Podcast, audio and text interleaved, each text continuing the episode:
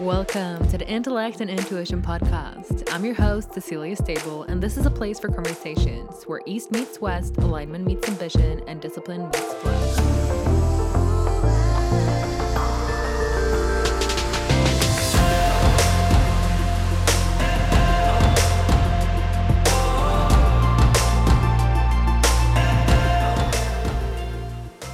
Hello, Soul Tribe. I'm so excited to introduce you to Leland Hollgate, the CEO and founder of the Willful Warrior.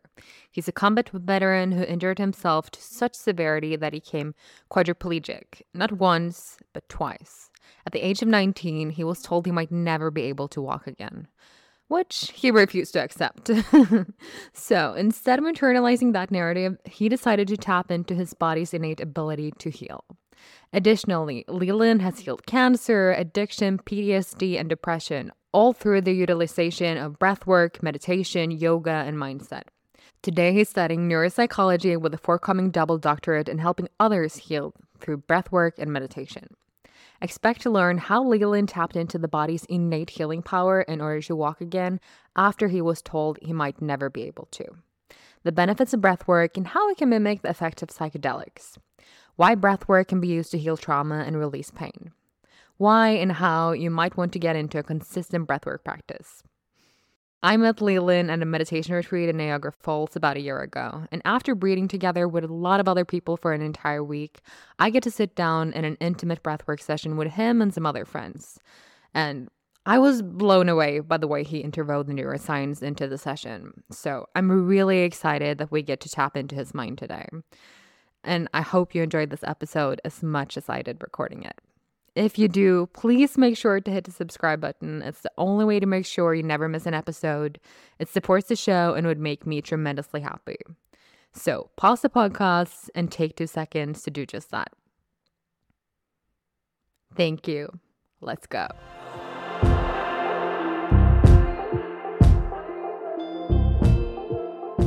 So, right now you're traveling around the world giving people experiences with the power of breath work and meditation through your company, The Willful Warrior. And sharing breath work is not just a business for you, I know it's a passion.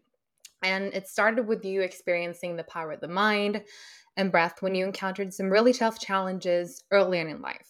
Uh, and I know you've been through a lot of tough initiations in your life in order to get to where you actually are today. So I would love if we could start all the way back uh, in your childhood and your upbringing and get into how that shaped you and why why it eventually led you to join the military. Yeah, yeah, absolutely. So um, quite an interesting story, of course. You know, people kind of look at me funny when I talk about my father uh, being the hero and the monster of my life. And it, mm. it all mm. started when I was about five years old. He was in the military. So both my mom and my dad were were army. And uh, he was an army ranger. So he was he was moving the special forces side of things. And he went into uh, something called Delta Operative. And it was interesting, even from the age of five years old on, um, I was able to see that the there was like this Dr. Jekyll and Mr. Hyde, right?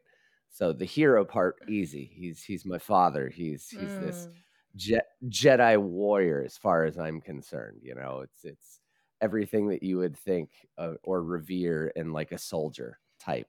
So mm. easy easy for him to be my hero and he was the monster of my life because from the age of 5 on I noticed the shift in his eyes whenever he got angry right? It was like the eye color and shape changed, and it wasn't my dad. It was like Dr. Jekyll now. Mm. And from the age of five on, uh, I was broken and beaten by this man because mm. he had a lot of trauma in him. Um, it was from my grandfather, of course, who didn't do him right, mm. and and uh, kind of pat, you know, of course, it's that generational trauma passed down and then he added quite a bit of trauma on on his own when he joined the military because of course you know the things that he saw he was he was involved with everything from iran contra up to um, desert storm desert shield in uh, in the 90s so you know he had his his own level of trauma that was added on to all the generational trauma from the military and i could just i could see it at a young mm. age so i mean even even at five, I found this compassion, which is why I think I, I people can't they can't really compute that, right? They hear the monster and the hero and they can't compute it. But I just I had so much compassion for him because I could tell it really wasn't him. Mm. It, it wasn't my dad. I feel like often we can be the people to actually break the pattern in the lineage, but not often. That doesn't really often happen that early on. It's often later in life when we are grown up and we're able to maybe rationalize and see things from a different perspective. But it's beautiful that you were able to do that so early Yeah. on. Yeah, yeah. It was I didn't even know I was doing it, but I just you know, now that I'm older, it's it's a good point. Now that I'm older, I, I recognize it's like I knew something had to change. I had to be the one to soften this man somehow. So Mm. even if it was just being his whipping post for for the majority of my childhood, um, it was it set me up as that protector archetype, like right away. Yeah. Not only was I there to to look out for him, but I was also looking out since I was the oldest of five. Was looking out for my brothers and my sister and my mom. And if he even went after any of them, I would do whatever I could to just rile him up and, and send him back Mm. after me because I, I was already used to it. I was already Yeah. programmed for that. So it was it was like a whole level of com- compassion that I had for my father and for my family growing up. Wow. Yeah. So Yeah. quite interesting. Um, there was also in in the middle of that, not from him, uh, from a babysitter.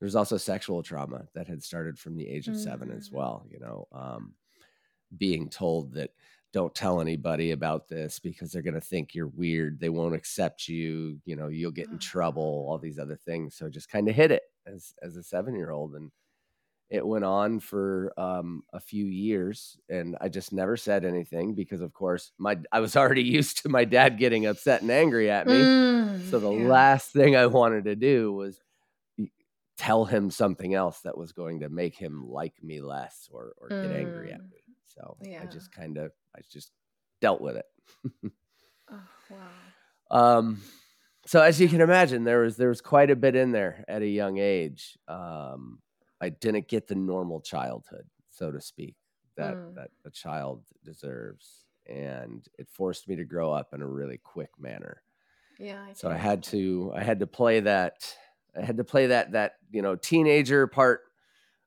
adult like all through my teenage years of Mm.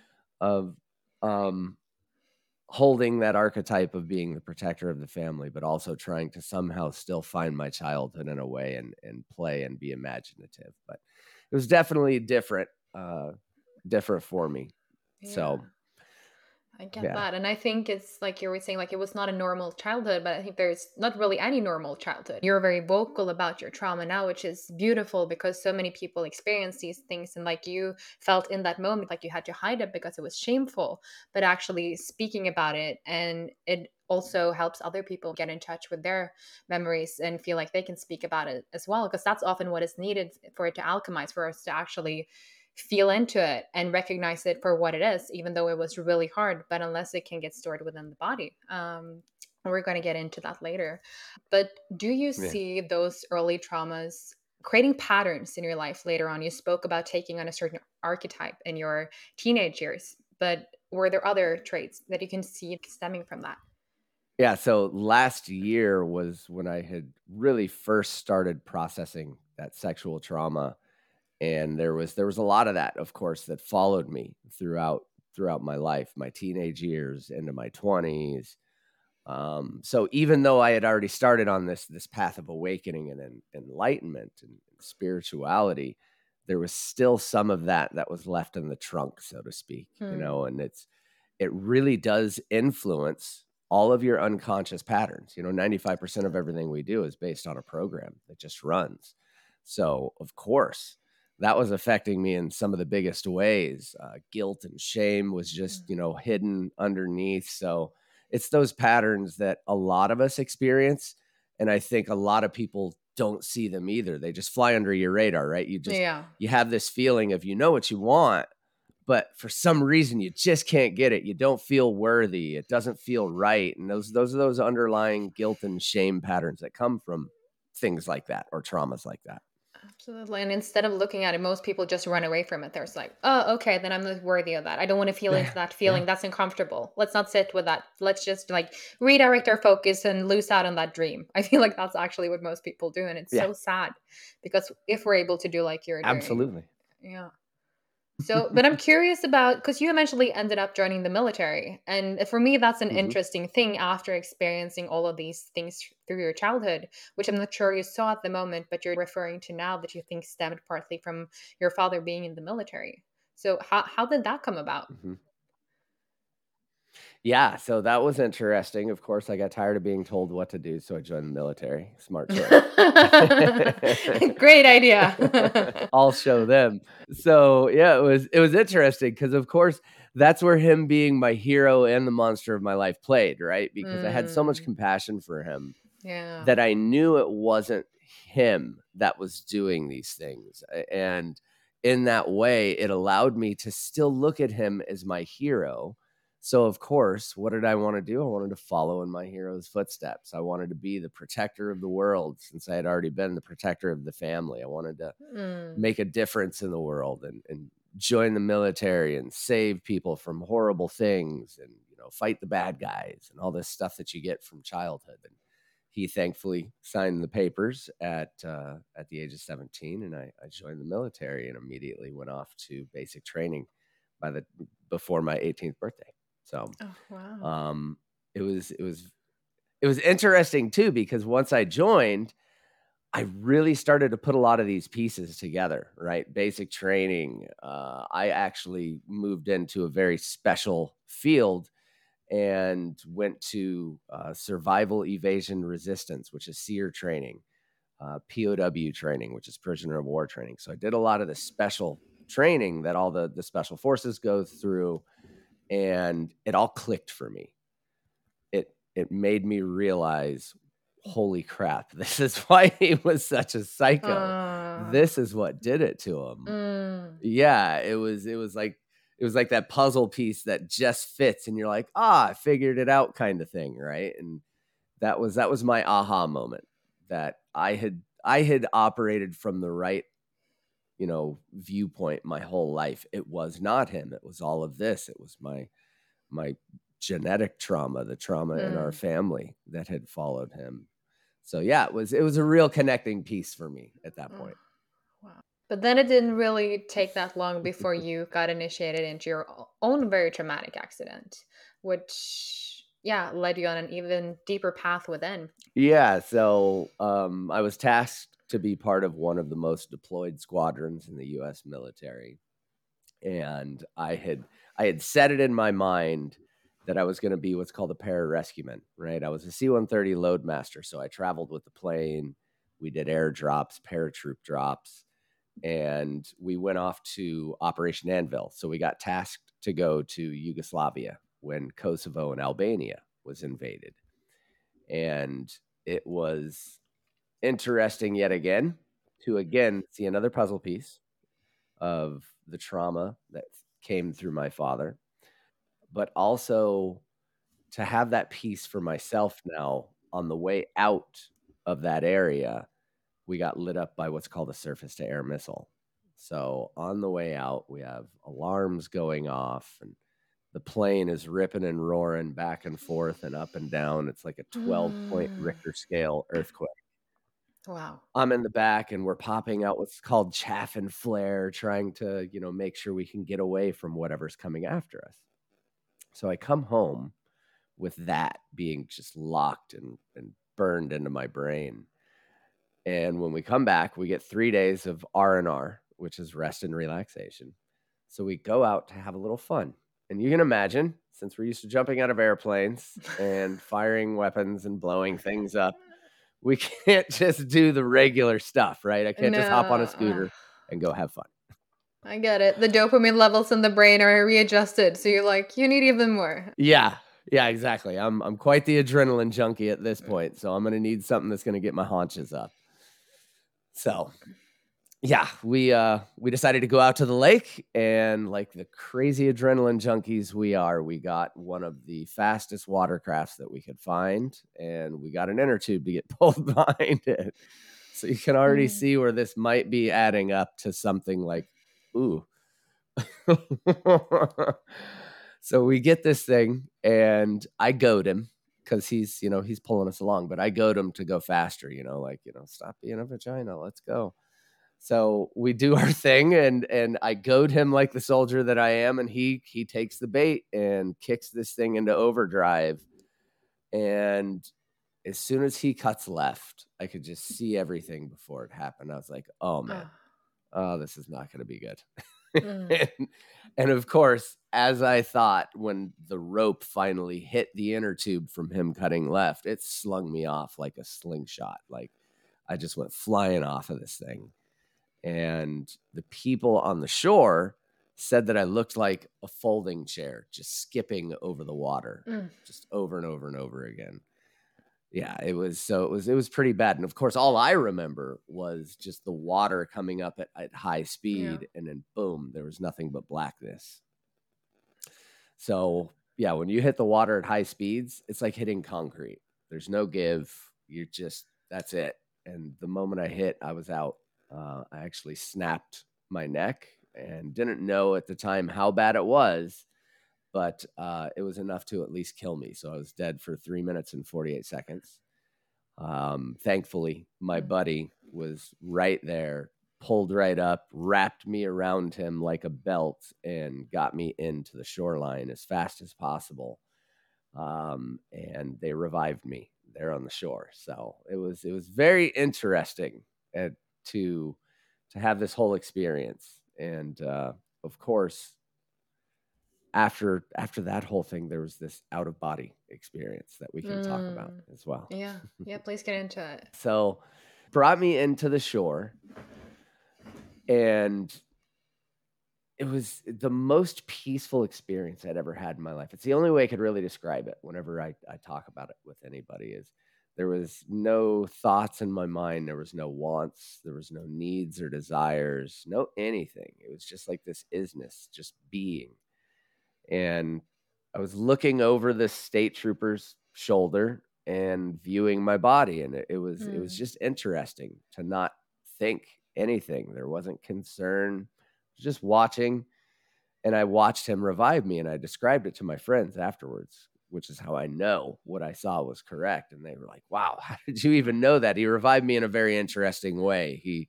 he like punched me a couple of times in the chest and then used his knuckles like a xylophone to get my heart going again. Oh, wow. And I described all this to my friends. yeah. Oh, Yeah, it was it was really interesting. Oh, So, how was your relationship with death before that? Because you clearly had very intense experiences through the military, military, where one might expect that it might lead to death at some point. Had you reflected over death? Did you have a connection to God or something bigger than yourself? What was your relationship with that before that, and how did that, or did it change your view of it after having this experience? Yeah, you know, I think what helped me was definitely I didn't have really a fear of it because of course when you go through military training, you just know that at one point in time you may be charging the barrel of a gun. hmm Um so thankfully there was no fear there, but I really didn't have, you know, I had religion as a kid, but that's that's a different side as we both know. You know, that's not yeah. really spiritualism to me. so I, I I really didn't have this this spiritual set before, and I really didn't have a really good relationship with it. I knew that death was possible, and in some ways, with our behaviors in the military as soldiers, we invite it. You know, so many times because we just what we do is is not easy, and it's it it sicks with you. So um yeah that changed everything obviously there was there was something else there that i had n- i had never explored or been a part of or religion couldn't even get close to teaching me No. there was there was nothing that religion ever taught me as a child that would have prepared me for that amazing experience And I think it's something about experiencing yourself as well. I actually had a conversation with a friend of mine the other day, and he's very analytical. And although we've been brought up in a very similar way, studied economics, and he's part of a different friend group than I am. And I just see our worldviews being very different. And I was trying to describe some of these things to him, and he didn't really get it. And I was being graceful with him, also telling him, you know what? I get that you don't get it because it's really hard to get it before you truly get it. You can't really rationalize around these things until you have a true awakening experience and really feel it because the feelings go so much deeper than what we could ever describe with words. But then you entered into actually getting your body back into function again. And you can explain this yourself. That's where you really got to connect to the power of the mind and the power of the breath. Uh, for I don't know if it was the first time, but probably definitely a lot deeper than before. Exactly. It was it was very similar to rebirth. That's what it felt like. It was like I come slamming back into my body. And as soon as I come back, the first thing you do, of course, is take a nice deep breath. so I come back and I'm in the ambulance and it's I'm I'm looking at the ceiling of this ambulance like what the hell just happened? There was this peaceful experience and now I've got a horse collar around my neck and the back of my head hurts and this dude is asking me if I could feel that. What the hell is happening? I finally got to the point where I got tired of this guy. Like, can you feel that? How about that? Leland, how about that? And of course, he's trying to bring me back around because I wasn't quite cognizant yet. And um, he's poking me everywhere with a needle. And of course, I scream. I'm like, dude, what are you talking about? Because I just got tired of him repeating it while he's trying to bring me back into to the state. And he's all I heard was, was oh no and of course, you don't want to hear your your doctor or your EMT uh, tell you, "Oh no." That's a bad sign, obviously. Yeah. Yeah, exactly. You don't, you know, things you don't want to hear from your pilot or your doc. Definitely not your pilot. Yeah. so it was interesting because, of course, when I heard that, oh no, you can imagine panic set in for me because then he finally let me in on the okay, I've been sticking you everywhere with this needle. Are you not feeling that? Are you not feeling that? And then he would describe where he was poking me, and terror and panic just set in because I couldn't feel anything below my Adam's apple. And of course, you can imagine sheer panic set in. Um, I didn't know what the hell was happening. All I knew is I couldn't feel anything below my neck. Here I am, 19 years old. I was I was so ready to declare my intention to go down to San Antonio and do what we call as, as Hell Week, which would have been my last initiation into Special Forces. All I would have had to do was mm. pass, pass my Hell Week, and I could have started with my advanced training as a pararescueman. But of course, this kind of knocked that out. Oh, wow. Let's get into the healing part. Because once yeah. you realized that you couldn't feel your body, uh, what were the prognosis from the doctors? What did they tell you when you got to the hospital? yeah, so we get to the hospital, we get the MRI, uh, and when they come back from the scans, the doctor you can just see he he's coming in to give me information he does not want to give me, and um, when he came in, that's when he told me that they had found a silver dollar size contusion that was wrapped around the back of my spinal column. Oh, wow. So right at C one and C two, which is obviously why everything just shut off in the body. My breathing, heart, everything just eh, stopped. So at that point, this is 1999. Uh, we don't know what we know nowadays. And he immediately started with a you can't heal nervous tissue. You know, you might be stuck like this for the rest of your life. Let's start managing your expectations of life. That type mm. of talk. Mm. yeah, so at the age of 19, my life was over as I knew it. Uh, I started with the self loathing, the woe is me.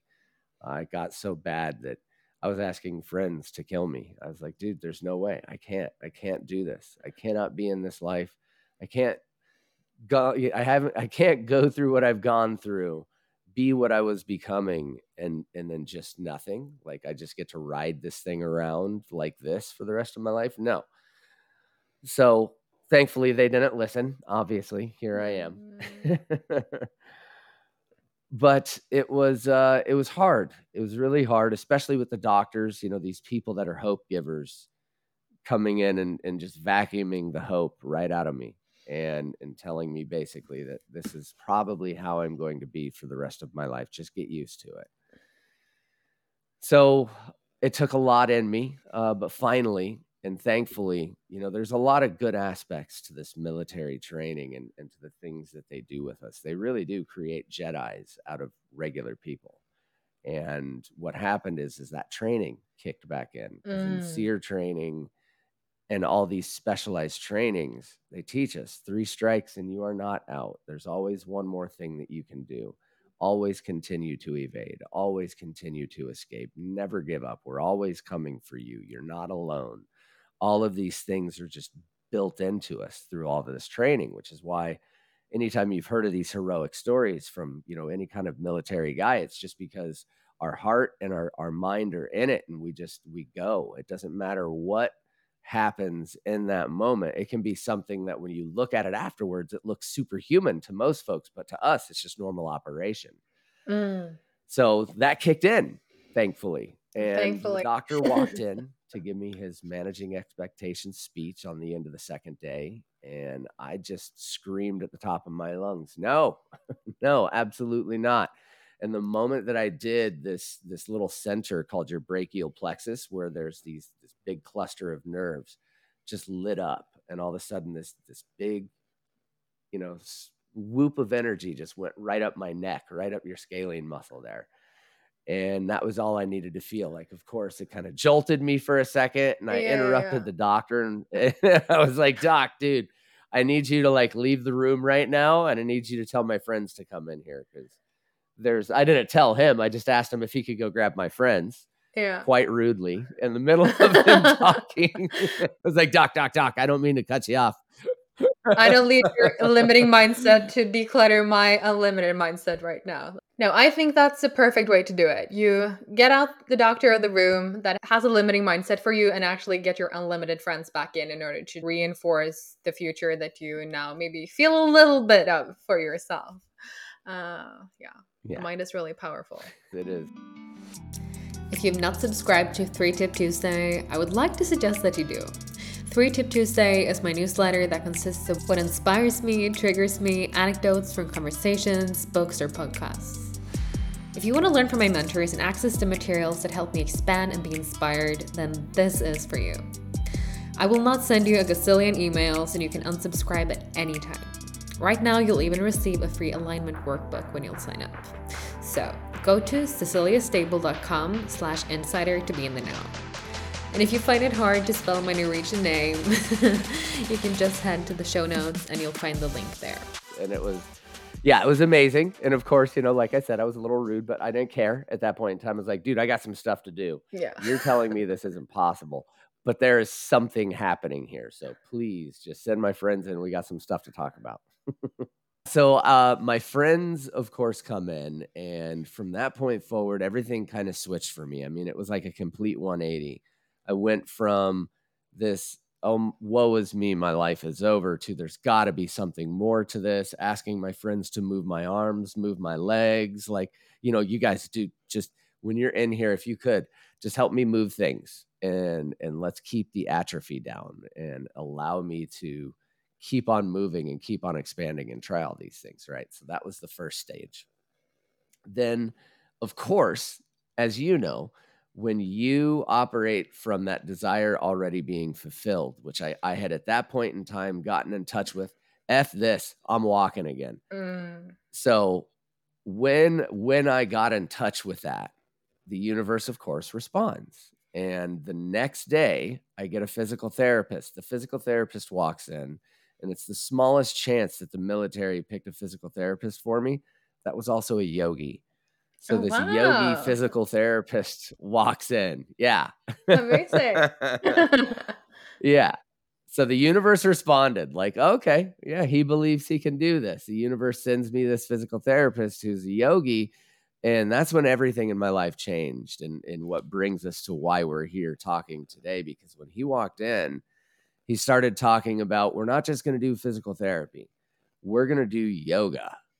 And of course, you can imagine at the age of 19, I'm paralyzed from the neck down. Uh, I look at this dude and I'm like, man, if I could move my legs, I'd kick you in the throat. Yoga. What kind of dude? What are you talking about? So that was when he had imparted on me that yoga was actually more mindset and 95 to 98% breath control, or what they call pranayama in yoga.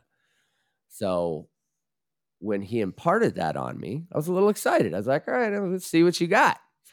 So he started me down some of these these really cool breath techniques, alternate nostril breathing, uh, some other. Of course, he had to do a lot of the stuff for me, but you know, it was it was epic. He started getting me into some of these Tummo style breaths, which I didn't know what Tummo style breathing was then, but you know, he was just getting me doing these really rapid breath successions and I felt really cool while I was doing them and then I do these breath holds and when I held the breath, I would get that same thing that happened when I screamed at the doctor, right? Except this time it was traveling through the body mm, and you were really starting to feel different parts of yeah. your body again. Ugh. And that's the power of your breath. So you've had this huge initiation and story that you come from, and really from being in the mind and being the warrior arch- archetype, and then being just like knocked on your feet and having to stand from that again, and then maybe getting into some practices that you would never have encountered if that didn't happen. But through these experiences, you were definitely able to tap into the power of the mind. And I would love for us to get into the science uh, of how our minds can help us create our reality, why manifestation, affirmation, and positive thinking actually works. Right now, I would love for us to get a little bit into quantum physics, even though that word is really going to intimidate some people, but that's what makes you a master. You're able to like explain it delicately, which I love. Yeah, this is my favorite part is nerding out on this stuff. So yeah, if we're going to start with the mind, it's important it's important to remember that the mind is the body and the brain in action, right? So you've got the body, you've got the brain, then the mind is this whole package. The mind is all of that in operation, right? You have your thoughts, which are the electric side, that synaptic activity that's happening in your brain. And then you have your emotions, which are the magnetic resonance of the body, right? The language of the body. So that electromagnetism is what creates our mind. That's us. That's us in operation. So when you think about the mind, excuse me, when you think about the mind and the brain, the brain is a historical artifact, right? It, it, records everything for you. It records everything backwards, forwards, left, right, diagonal, you name it, it's being recorded every which direction. So that way, in that mind, in that operating procedure, you can take the best course of action. So that way you can survive, right? Yeah. Because if we look at the body and we look at the mind, they're there for one thing. Both of them are there for one thing, and that's your survival, your continued existence. That's all those two things care about. They're not concerned with greatness, they're not concerned with your potential. They're not concerned with anything other than you sleeping, eating, and procreating. So when we operate on that understanding, then we know and we can give a little bit of grace to everything that we do, right? And the power of the mind is so that if you declare something to be true, then the body will follow suit, right? The mind says, I can't do that. Then there will be a chemical cascade that happens throughout the entire body that will either A, inhibit something or facilitate that thing. So if you think I can't, you're right. The body's mm-hmm. going to prove it to you. If you think you can, again, you're right, and the body will prove it to you. That's so true. And you really show that through your experience, which is so much more powerful than most of us get to experience. But we've seen this several times through different friends and people we met on our journey that are really able to create with the power of the mind. And I think the hardest part is sometimes the gap in between where we know what we want, but we don't really have it yet. And just surrendering to that belief and really believing it before it's even there. It doesn't necessarily happen like it did for you, like the second day you get a feeling and a sensation. Sometimes it might take years. Uh, and that's when the work really gets challenging, but that's also when we're truly getting trained and initiated. I know your journey was a lot longer than two days, but it, at least it spiked something within you so you basically really explained the observer effect in quantum physics, which is actually how atoms can change when we put our mindset to it and want it to change. So let's pivot to to the breath. I've definitely felt it myself, not through wanting to heal anything necessarily, but actually getting high on just breathing. And it's interesting because Yeah. breathing is the one thing that we can't really live without. We can live without food and without water for days, but breathing, it can only go a few minutes without.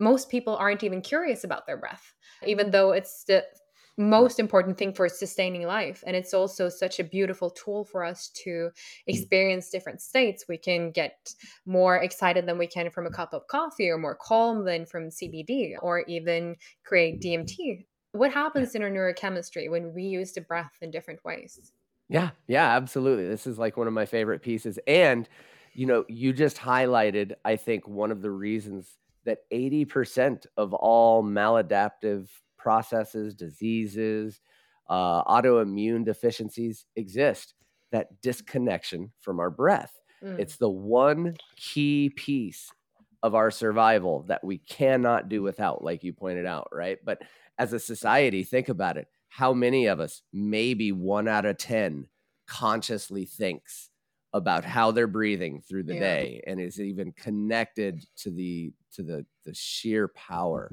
of what our breath can do for us, right? So, yeah, you highlighted a big piece of that and um to speak to the changes that are happening inside it's kind of easy to think whenever we think in the reverse side, right? Being disconnected from the breath has created all this disease, has created all of these these maladaptive issues that are inside of the world. So when we can connect with the breath and recognize exactly what that does for us, like myself, we can use it to actually turn things the other way.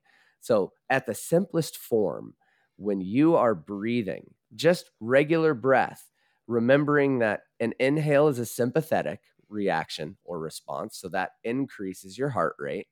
And as you exhale, that is a parasympathetic or more relaxed response from the body. So it lowers the heart rate, right? And when you look at your heart, it's actually right inside of this left lobe. There's actually a little indentation in your lungs where it just holds your heart. So it literally hmm. cradles your heart. And that is the very first connection. So happy lungs, happy heart. We can either increase the heart rate or decrease. Oh, that's a beautiful visual. I haven't really thought about it in that way, but it's so true. It's really just right there. And mm. as we're breathing, we're just like really greeting the heart in a way. Yeah, exactly. So as you inhale, you get that pressure increase, which of course creates more of a sympathetic response. So your adrenals start pumping a little bit more. You get a little more cortisol, which is it's been demonized, but cortisol is good. It, it starts your heart rate. You need it. Yeah, we need it in order to have energy. Just like a lot of Yeah. people, they drink coffee all day and go around on cortisol, and then it can get disruptive. But it actually happens in the morning as we rise, and that's what gets us to have energy in the morning. If that response isn't there, we're just going to feel sluggish. What do you suggest people can then do to connect to their breath on a daily basis to start feeling into the power of that? Yeah, yeah, that is the the best question ever. And it's the most basic question that we miss all the time, right? A lot of us, it's so easy for us, like you highlighted, it's so easy as, for us to connect to, ooh, I feel really good. It gets me high, all these other amazing things that we can do the breath. But what I would suggest to anybody starting out on this process of breath is just to be conscious of it. Through the day, the best tool that you can use is to just think to yourself, how am I breathing? Am I breathing short and rapid? Am I breathing long and deep? Am I breathing shallow and just kind of that mid? So, just taking conscious note of your breath every moment of the day already starts you on this superpower. It really does. So, I think that's that's the step number 1 is just notice. Notice your Mm. breathing. Because if you can notice your breathing, you'll also notice your patterns.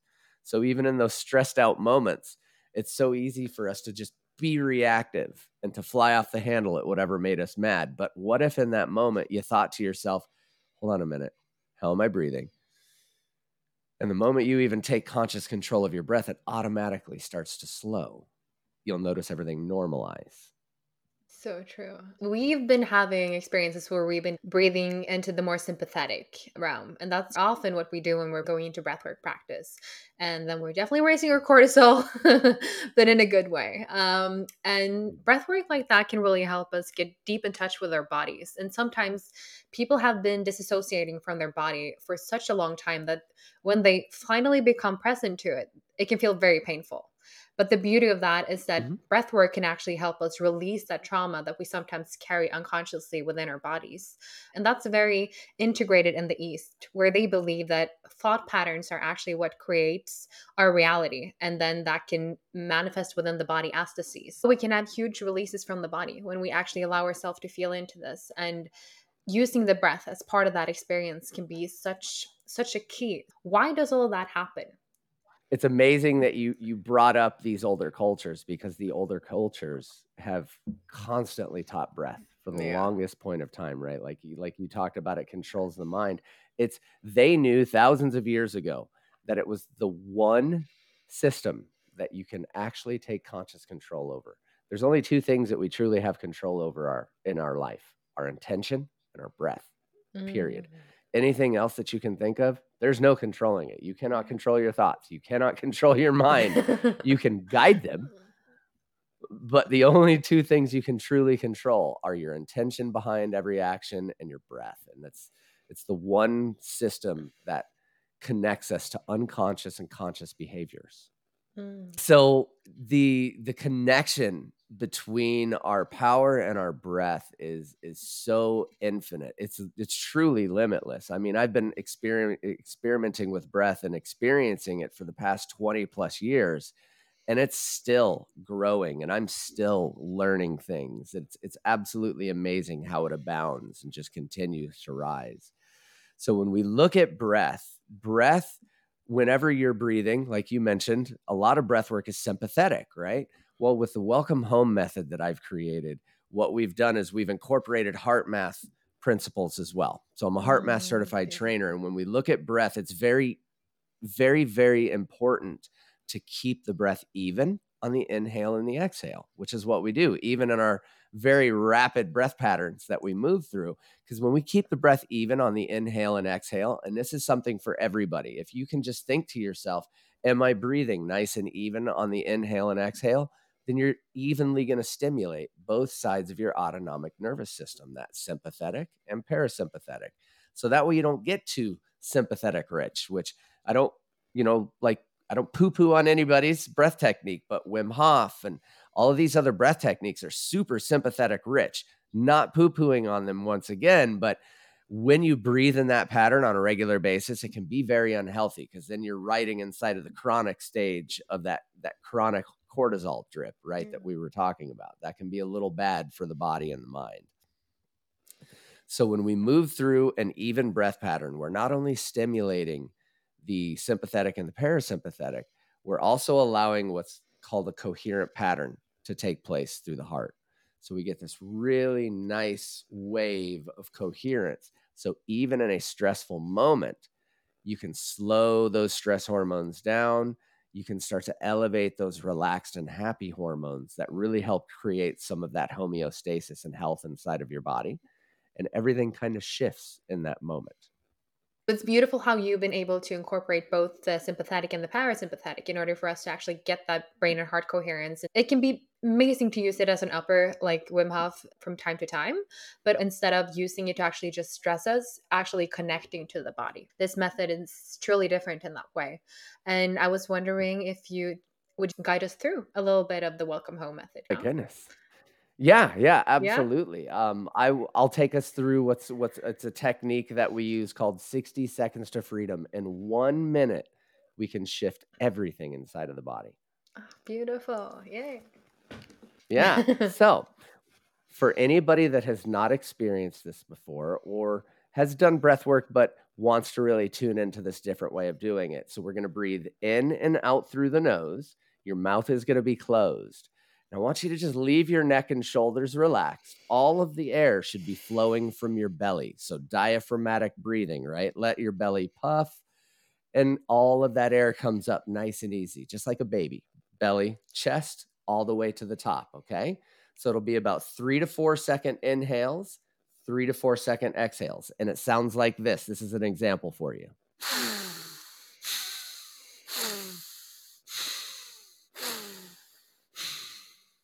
So you notice there was some opening of my shoulders. You don't have to do that. That's kind of an advanced, you know, part of yoga and qigong. just really focus on your belly. Stay nice and still for yourself. I'll even keep myself still as a good example. And we're going to take 10 inhales and exhales. So inhale, exhale is one round, and you'll see my fingers. So I'll give us a count. And then once I hit 10, I'll point up. We're going to breathe up and hold. And when you hold your breath, just let go of all of the tension. Just let yourself sit in that state for about 10 to 15 seconds. Okay, perfect. All right. So just settle in wherever you are. And please also do not be driving. Don't be driving. Don't be walking. Thank you for saying that. be sitting down. so sink into this moment. Just notice your breath.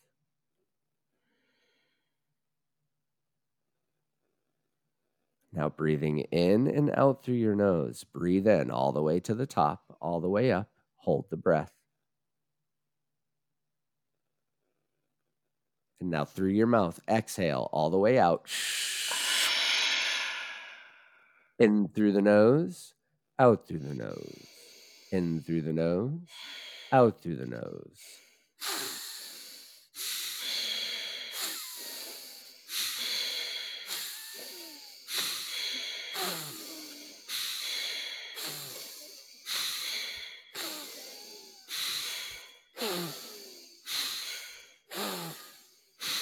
And breathe up and hold, all the way up and hold, all the way up and hold. Let go of tension, hold the breath. Notice that ride.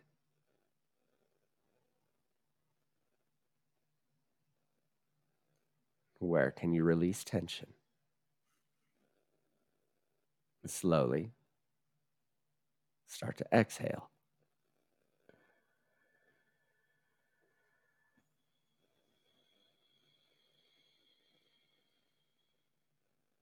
Let that sink into the body. When you're ready, slowly make your way back. Mm-hmm. Thank you. Power of the breath, just 60 seconds.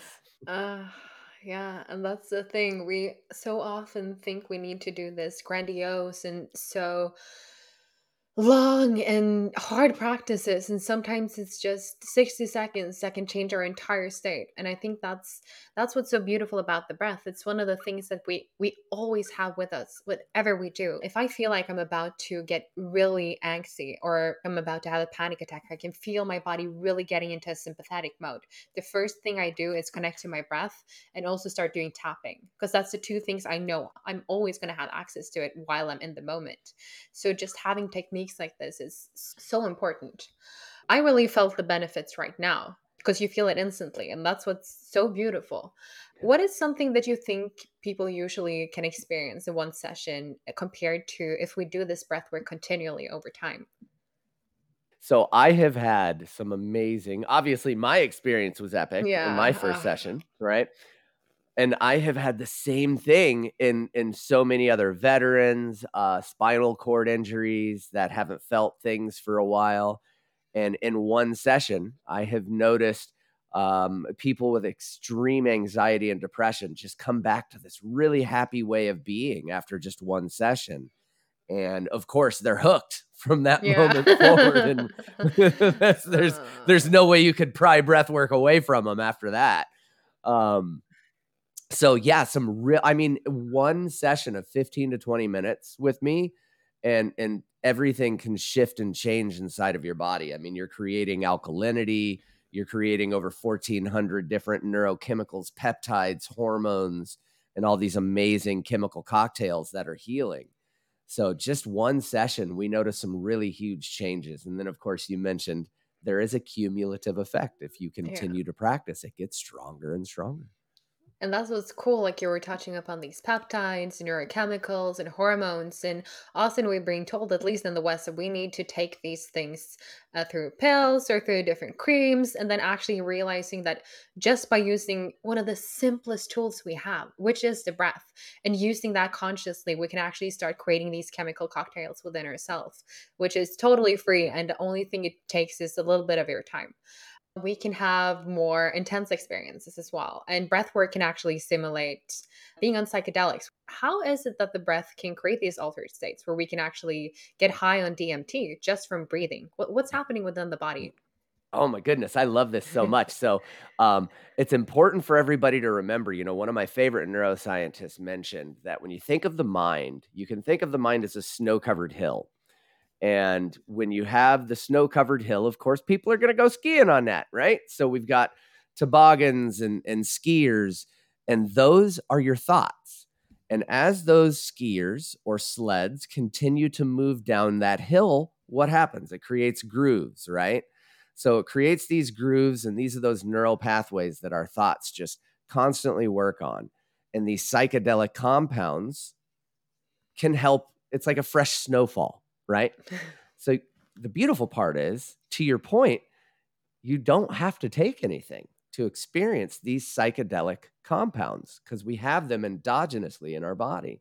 We have DMT that's that's built into your adrenals and into your lung at, at, the highest points. DMT is actually all throughout our body. Dimethyltryptamine is one of the biggest tryptamines ever, and it's all throughout our body. Highest concentrations are in our lungs. What do you know? So if we start to breathe, we can produce massive amounts of dimethyltryptamine. Uh, we also upregulate what's called anandamide, which is the bliss chemical. So that has its own psychotropic feelings that come along with it as well. And the beautiful piece is is whenever these chemical cocktails start to flow through the body because of the breath, dimethyltryptamine, anandamide, and these other neuromodulators, not just transmitters, will activate entire brain regions. They'll also mm-hmm. upregulate your oxytocin, which is that love hormone. They'll upregulate your, your dopamine, which is your reward hormone. Uh, they upregulate serotonins, the happy hormone, and your endorphins, which are your painkillers. So, all of these psychotropic and psychedelic compounds are inside of us. And all we have to do is shift the pattern of the breath, create what's called intermittent hypoxia, just a little bit of a breath hold, which kind of takes the oxygen down into the body, which actually what's happening is that oxygen is soaking into your brain. Mm. And then at that point, these very special chemicals start to produce throughout the body. You know, the body does that. It's a form of biohacking. Whenever you're breathing and you're doing breath holds or you're you're extending what the body can actually do, the body will immediately start to kick out all of these compounds because they're very healing for the body. They're very grounding. They keep you in what is it concerned with? Survival. yeah, survival. It all comes back to that, right? And the breath is the most important thing mm-hmm. for that. Realizing that we've been going through through this conversation, it can be used for so much more. And actually, when we learn that it's not just for our survival, but using it for our intention to change our state, to change where we're headed, and to actually connect even deeper with our bodies, release trauma that's holding us back from living the life we're truly here to lead, then we can actually step into our future self. And the breath can be such a beautiful technique for that. So oh, I'm just yeah. so grateful that you've been taking us through all of this, and I would love to know what's what's next for the Willful Warrior movement. Oh my God, yeah, so excited! so we've got our retreat coming up. Uh, it was in October, but we've decided to push that to January, February. We're looking at February right now down in Puerto Vallarta, Mexico. Oh, um, oh, so that's we're excited. That's our first retreat. Yeah. So we'll we'll have some some chances for everybody to gather with hundreds here very soon over you know a thousand people at one time breathing in one space and amazing. creating all this amazing energy because when you're with other people we've experienced this obviously together yeah. but uh, when you are surrounded by other people and you're creating that energy and that electromagnetism and it's sharing between others, it's like, oh my God, it grows and grows and grows.